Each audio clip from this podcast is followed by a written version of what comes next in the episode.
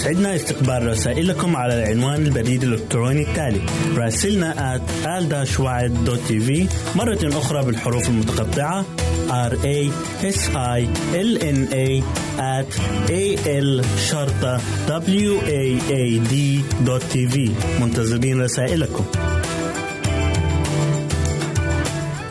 يمكنك استماع وتحميل برامجنا من موقعنا على الإنترنت www.awr.org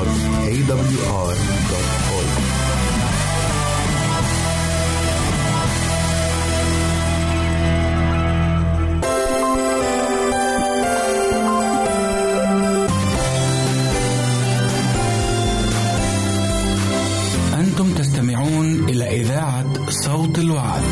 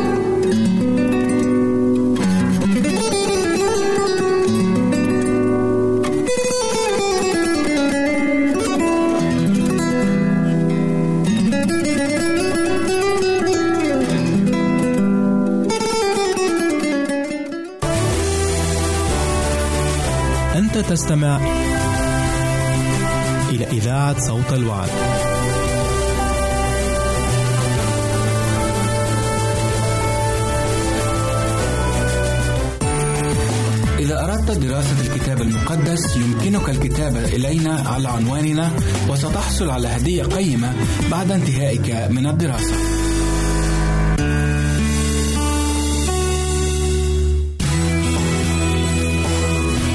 يمكنك استماع وتحميل برامجنا من موقعنا على الإنترنت www.awr.org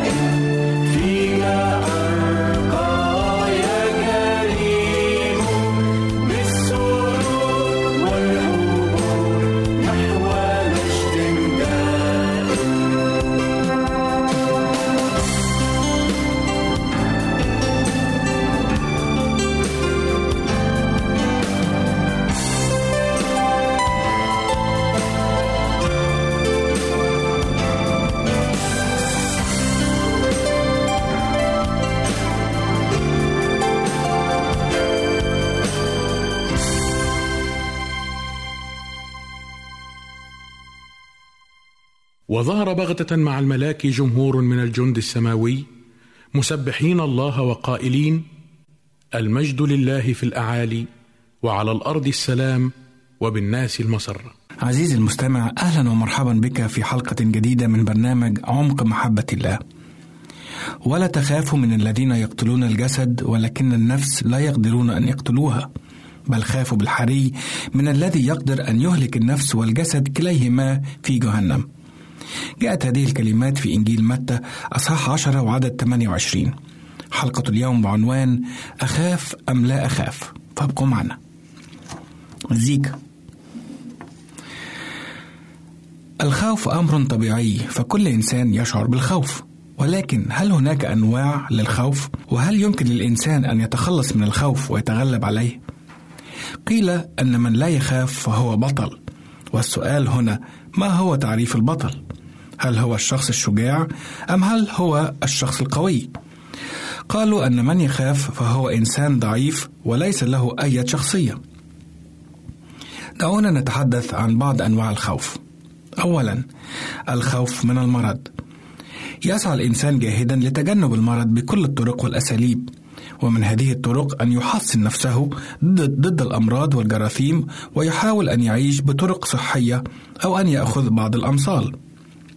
ثانيا الخوف من ظلم الشرير ويتجنب التعامل معه بل أحيانا ويخضع له. ثالثا الخوف مما يخبئه له الدهر ويسميه بالقضاء والقدر فتصبح حياته مسيرة وليست مخيرة. رابعا الخوف من الحوادث الفجائية التي تحل عليه من العالم فيعيش في رعب دائم. خامسا الخوف من ضياع الاسم والصيت الحسن الذي يعتقد أنه سبب نجاحه وفلاحه في الحياة. فلا يريد التخلي عن اسمه وشهرته بل يخاف من ضياع الصيت الحسن والاسم الطيب سواء كان هذا الصيت ورثه عن أهله أو اكتسبه بعرق جبينه. وكم من الناس من تنازل عن اسم ظنه قبلا سبب نجاحه ولكنه اكتشف أنه كان خسارة له.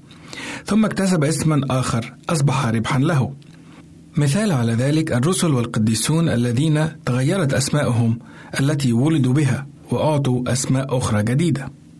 سادسا الخوف من الجوع فماذا يفعل إذا اقفرت أرضه وذبل بستانه ولم ينبت زرعه ولم يحصد قطنه وغلاله أو يجني ثماره؟ ماذا يفعل إذا ما طرد من عمله وتوقفت مشاريعه؟ حتى الشخص الغني يخاف أن يصبح فقيرا بين ليلة وضحاها. فكم من الأثرياء انهارت قصورهم وكثيرون منهم ضاعت أموالهم.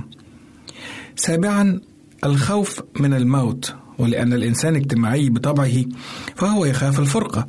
فالموت يفرق بين الأخ وأخيه الأب وبنيه الحبيب وحبيبته الأم وطفلها. فالموت يأتي ليخطف دون أي سابق إنذار. والإنسان لا يريد الموت لأنه يعشق الحياة ولا يبتغي السكون بل يريد الحركة. ولا يريد أن تغلق عيناه بل يريد أن يرى بهما نور الحياة. فالموت زائر بلا ميعاد يزورنا بسبب أو بلا سبب. وهكذا يخاف الناس أن يؤول الأمر بهم كما آل بغيرهم. فمن الناس من يسكت قلبه في لحظة وتنتهي حياته ويغلق على أماله فتقبع جميعها في التراب ومنهم يحرق أو يغرق بحادث أو يموت وهو على سفر أو من يبتغيه الموت وهو نائم فكيف للإنسان أن يعد العدة لتجنب مثل هذه الأقدار وأي مصل واق يمكن أن يلقح به للمناعة ضد الموت هل أنت بطل لا تخاف الموت؟ وإن كنت لا تخافه فهل أنت واقعي؟ والسؤال هنا كيف لك أن تتجنب الخوف الذي يحيط بك من كل جانب؟ هناك بعض الأبطال في الكتاب المقدس لم يخافوا مع الخائفين ومنهم النبي إيليا. ففي سفر الملوك الأول أصحاح 17 وعدد ثلاثة عندما اقفرت الأرض لمدة ثلاث سنوات ونصف لم يخف النبي إيليا. وقد كوفئ لبطولته بأن أمرت غربان السماء أن تعوله بالخبز واللحم يوميا. وأيضا نجد في سفر دانيال الفتية الثلاثة وهم شدرخ وميشخ وعبد النغو هؤلاء الشباب الذين رفضوا أن يسجدوا للتمثال الذي نصبه الملك ولم يخافوا من أن يلقوا في أتون النار حيث قالوا وإلا فليكن معلوما لك أيها الملك أننا لا نعبد آلهتك ولا نسجد لتمثال الذهب الذي نصبته. ونرى أيضا الشاب يوسف في سفر التكوين الذي رفض أن يفعل الشر مع زوجة فوتيفار. حيث قال لها كيف أصنع هذا الشر العظيم وأخطئ إلى الله؟ أما داود مرنم المزامير القوي الإيمان ذو الصوت الجميل يشهد بحقيقة عظيمة إذ قال كنت فتى وقد شخت ولم أرى صديقا تخلي عنه ولا ذرية له تلتمس خبزا. وكذلك نرى النبي العظيم أيوب عندما أصابته البلايا لم يخف ولم يرتعب بل قال قد علمت أنك تستطيع كل شيء ولا يعصر عليك أمر إن كثير من الناس قد وضعوا كل ثقتهم في أشخاص معينين وخافوا أن تضيع هذه الثقة بمجرد أن يتخلى عنهم هؤلاء الأشخاص فيخيب أمالهم ويفقدوا من وضعوا ثقتهم فيهم. عزيزي المستمع، لماذا لا تثق في من لا يموت ولا يتغير ولا تحجبه مسافة عنك؟ كيف نخاف والسيد المسيح كان وما زال صخر الدهور؟ حيث قال الرب في سفر الرؤيا من يغلب يرث كل شيء وأكون له الها وهو يكون لي ابنا وأما الخائفون وغير المؤمنين والرجسون والقاتلون والزناة والسحرة وعبدة الأوثان وجميع الكذبة فنصيبهم في البحيرة المتقدة بنار وكبريت الذي هو الموت الثاني. وإلى اللقاء في حلقة جديدة من برنامج عمق محبة الله.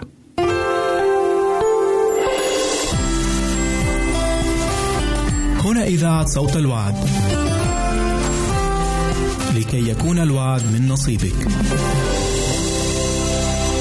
أعزائي المستمعين والمستمعات يسعدنا استقبال رسائلكم على العنوان البريد الإلكتروني التالي راسلنا at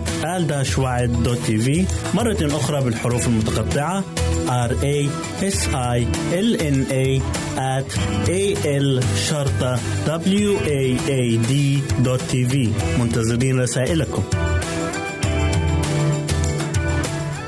يمكنك استماع وتحميل برامجنا من موقعنا على الإنترنت www.awr.org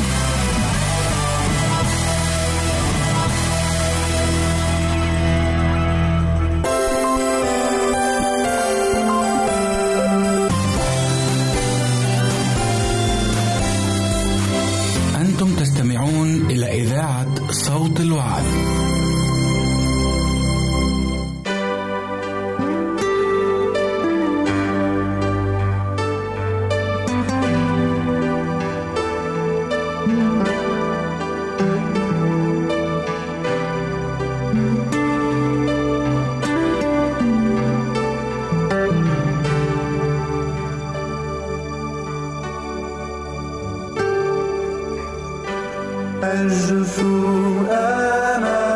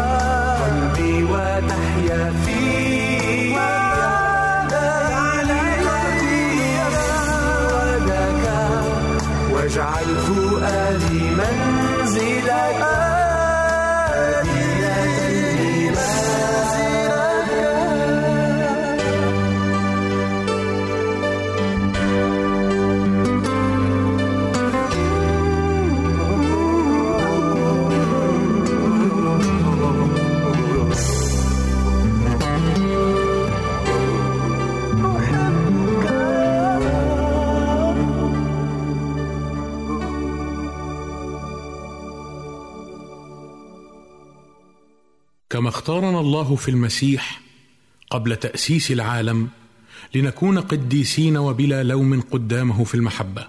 إذ سبق فعيننا للتبني بيسوع المسيح لنفسه حسب مسرة مشيئته.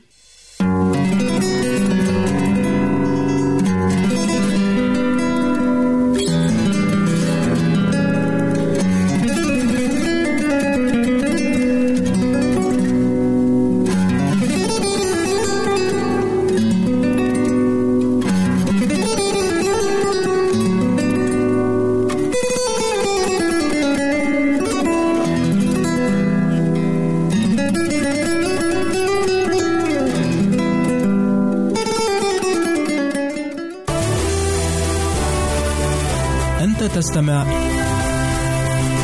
إلى إذاعة صوت الوعد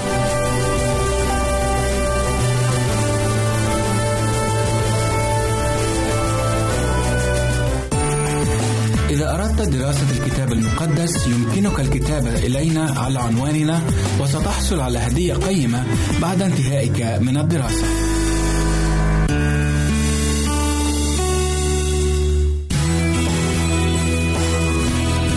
يمكنك استماع وتحميل برامجنا من موقعنا على الإنترنت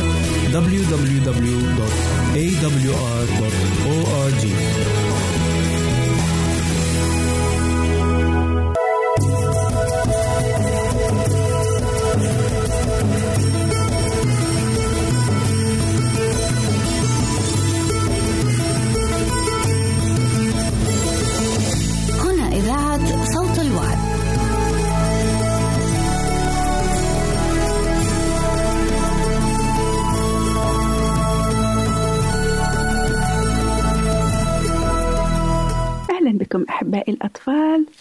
الحلوين معنا في برنامجكم قصة للأطفال. في كثير من الأوقات عندما نصادف طفل شجاع أو ولد في المدرسة يتصرف تصرف فوق العادي نسميه عفريت أو نناديه بال يا شيطان أو يا عفريت لكي نميزه عن غيره بأنه شجاع أو يتصرف تصرفات غير عادية. لكن في قصة هذا اليوم الطفل تصرف تصرفا شجاعا ولكن ليس عن شيطنة ولا عفرة لنسمع. تقول السيدة عن قصة واقعية حصلت معها. ذهبت مرة إلى موضع نزهة يقع على شاطئ البحر في شمال إنجلترا أو بلاد الإنجليز. وأحببت أن أدخل إلى البحر. وبغتة تقول تلك السيدة وجدت نفسي أسبح في مياه عميقة. لا أقدر على الاستمرار في السباحة فيها. فحاولت أن أعود إلى الشاطئ حيث أن المياه لم تكن عميقة جدا. ولكن وجدت نفسي كلما جربت أن أبتعد تجاه الشاطئ أدخل أكثر إلى العمق. فابتدأت في الصراخ ولكن لم يسمع الصراخ أحد من الذين يسبحون على الشاطئ. ولم يلاحظ أحد أن تلك السيدة تعاني من صعوبة وأنها فعلا في خطر. فتقول السيدة خفت وعلى الدم إلى رأسي ودخلت المياه إلى أذني وأيقنت أنني مائتة لا محال. فرفعت صلاة صغيرة إلى الله ربما يستجيب إذ أنها لم تكن لها من الإيمان ما يشجعها على الصلاة إلا أنها كمحاولة أرادت أن تستنجد بصلاة صامتة ترفعها إلى الله ربما يرسل لها من ينقذها. وفي تلك الحالة رأت شابا صغيرا عمره اثنتي عشر سنة يسبح بسرعة ولما وصل إليها أمسك بذراعها وأخذ يجرها سابحا نحو الشاطئ. ولكن السيدة كانت أثقل منه بالوزن وهذا الفتى لن يستطيع أن يتدبر أمره فكان في خطر الغرق هو أيضا. ولكن في هذه الأثناء رأى سابح آخر ما يحدث فأسرع هو وتمكن الثلاثة من السباحة إلى البر وقالت المرأة بعد أن وصلت إلى الشاطئ عرفت بعد ذلك بفترة أن هذا الصبي تعلم السباحة في بركة صغيرة وأنه لم يسبق له أن سبح في البحر. لذلك كان من الصعب عليه أن ينقذني إلا أنه كان له من الشجاعة ما يكفي أن يسبق كل الموجودين على الشاطئ ويرمي بنفسه بالماء لكي ينقذني. ليتني أعرف طريقا له. لكي أقول له كلمة شكرا. أحبائي الأطفال في معظم الأوقات استجابة الله لصلاتنا تكون سريعة ودون علمنا أنها هاي استجابة للصلاة. وأيضا شجاعة الطفل التي لم يفكر فيها. كل ما فكر فيه هو أن ينقذ تلك السيدة حتى وهو لا يعرفها. دعونا أحبائي الأطفال أن نكون هكذا سريعين الحركة في إنقاذ شخص آخر أو في عمل ما يفوق الأعمال العادية. أرجو أن تكونوا تتعلموا دروسا من هذه القصص التي تسرد عليكم. إلى اللقاء أحبائي.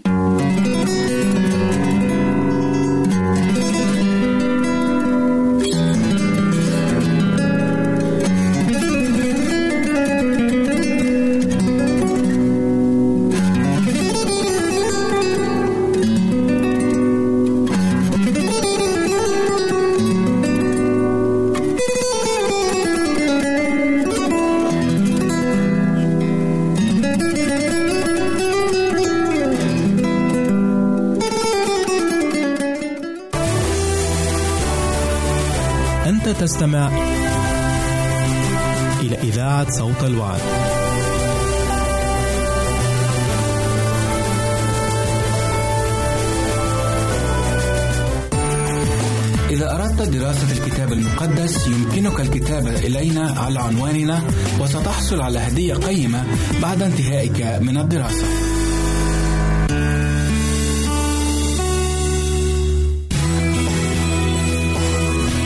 يمكنك استماع وتحميل برامجنا من موقعنا على الإنترنت www.awr.org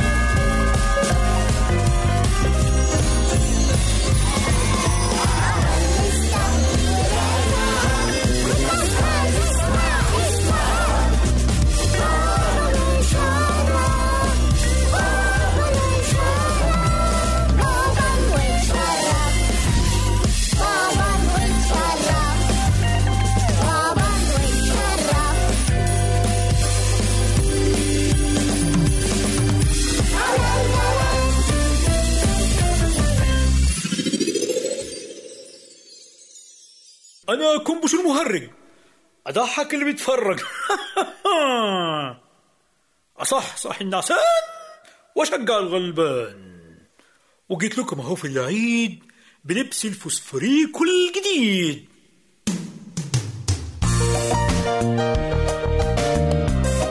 أبدا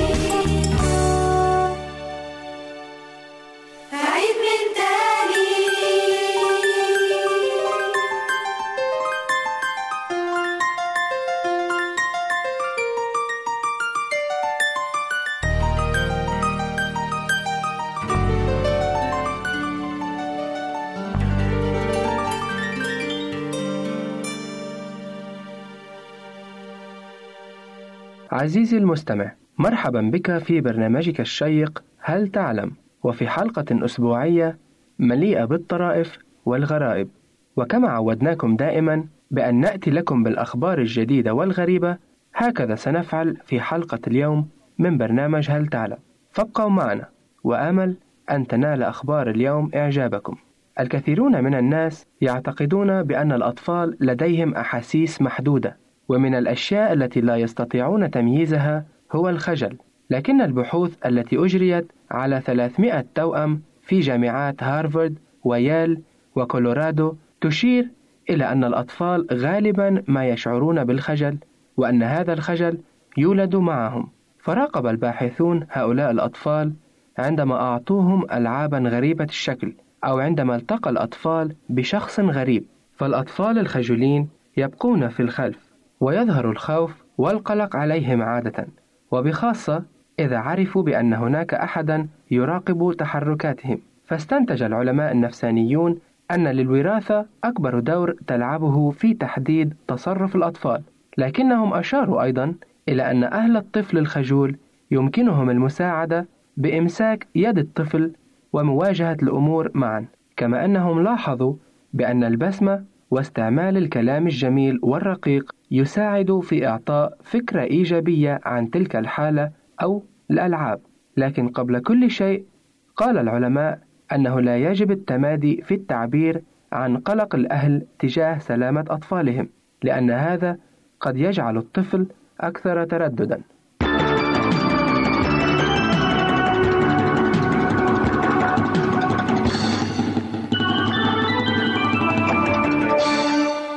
هل تعلم كيف بإمكانك أن تكشف أمر مراهق يود الانتحار؟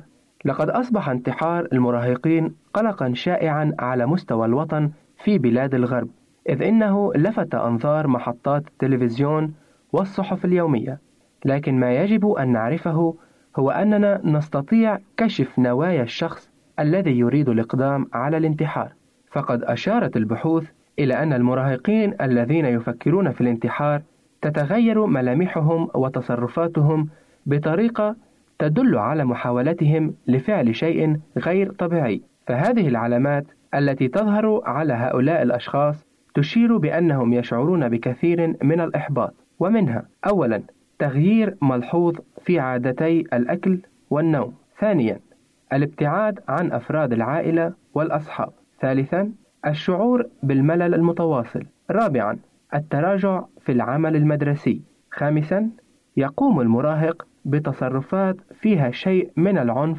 والثورة. سادساً قد يقدم المراهق على الهرب من البيت في بعض الأحيان. سابعاً وقد يلجأ إلى استعمال المخدرات والكحول وهذا تصرف شائع في حالات كهذه. ثامنا عادة يهمل الشخص الاعتناء بنفسه ومظهره الخارجي. تاسعا يجد صعوبة في التركيز حين يحاول إنجاز عمل ما، كما أنه يختبر تغييرا جذريا في شخصيته. عاشرا وأخيرا يقوم المراهق بالعديد من التذمرات عن وضعه الجسدي والعقلي.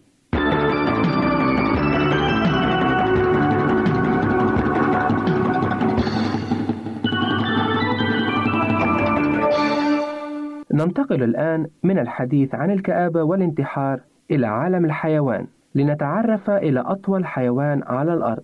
فأطول حيوان على الأرض هي الزرافة التي توجد الآن في الأراضي الصحراوية الجافة من جنوب أفريقيا أو ما تسمى بالصحراء الكبرى. أطول نموذج من هذه الزرافات سجل طوله كان ذكرا من كينيا. أخذ إلى حديقة حيوانات في الولايات المتحدة في الثامن من كانون الثاني يناير من عام 1959 بلغ طول ذكر الزرافة هذا الستة أمتار حين كان في التاسعة من عمره لكنه مات في الثاني والعشرين من تموز يوليو عام 1969 ما هو أسرع طائر في السماء؟ إن أسرع طائر في السماء هو الصقر الجوال ويطير هذا الصقر في أسرع حالاته عندما ينحدر من علو مرتفع وكأنه يستعرض الأرض من تحته.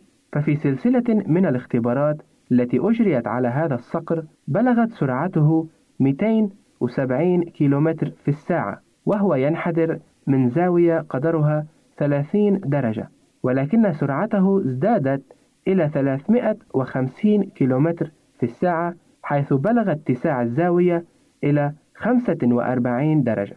أما أسرع الطيور في التحليق على ارتفاع متساو فهي طيور البط والإوز. فالبعض من أنواعها كالبط الغواص أو البط الأحمر أو العيدر بلغت سرعته 104 كيلومترات في الساعة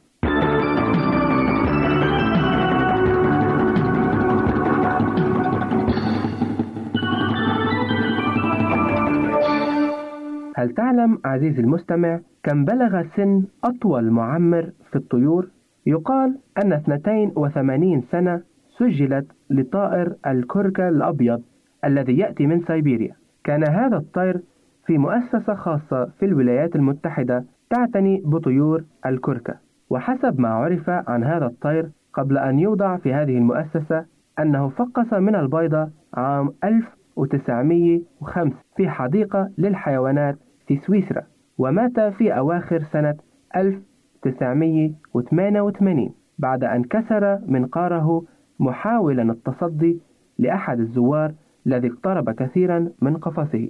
لكن أطول معمر في الطيور بلغ سنه بالتأكيد 80 عام وكان ذكر ببغاء ذو عرف كبريتي اللون. مات هذا الببغاء في حديقة للحيوانات في لندن عام 1982 كان قد وضع في تلك الحديقة من سنة 1925 وعرف أنه كان مع صاحبه الأصلي من سنة 1902 عندما بلغ كمال نموه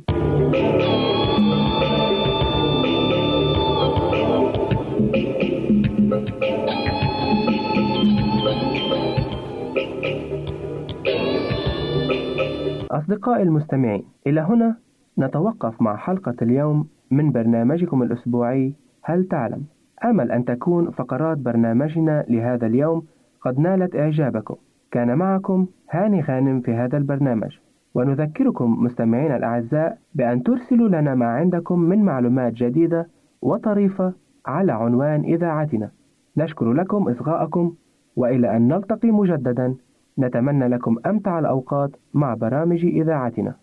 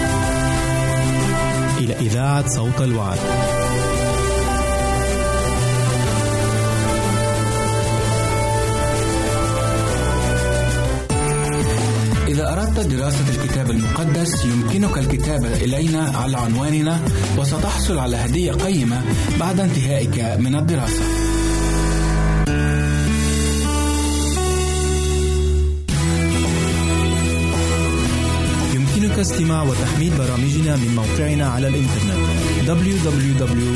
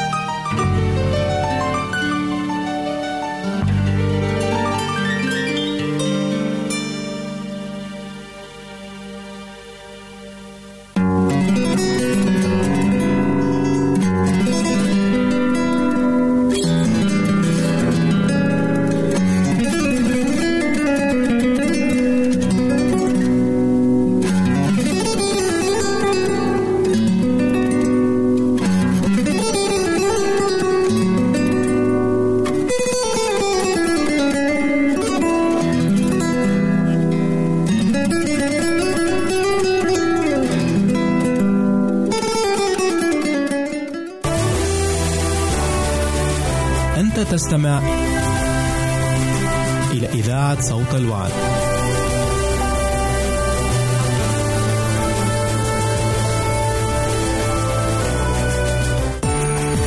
إذا أردت دراسة الكتاب المقدس يمكنك الكتابة إلينا على عنواننا وستحصل على هدية قيمة بعد انتهائك من الدراسة.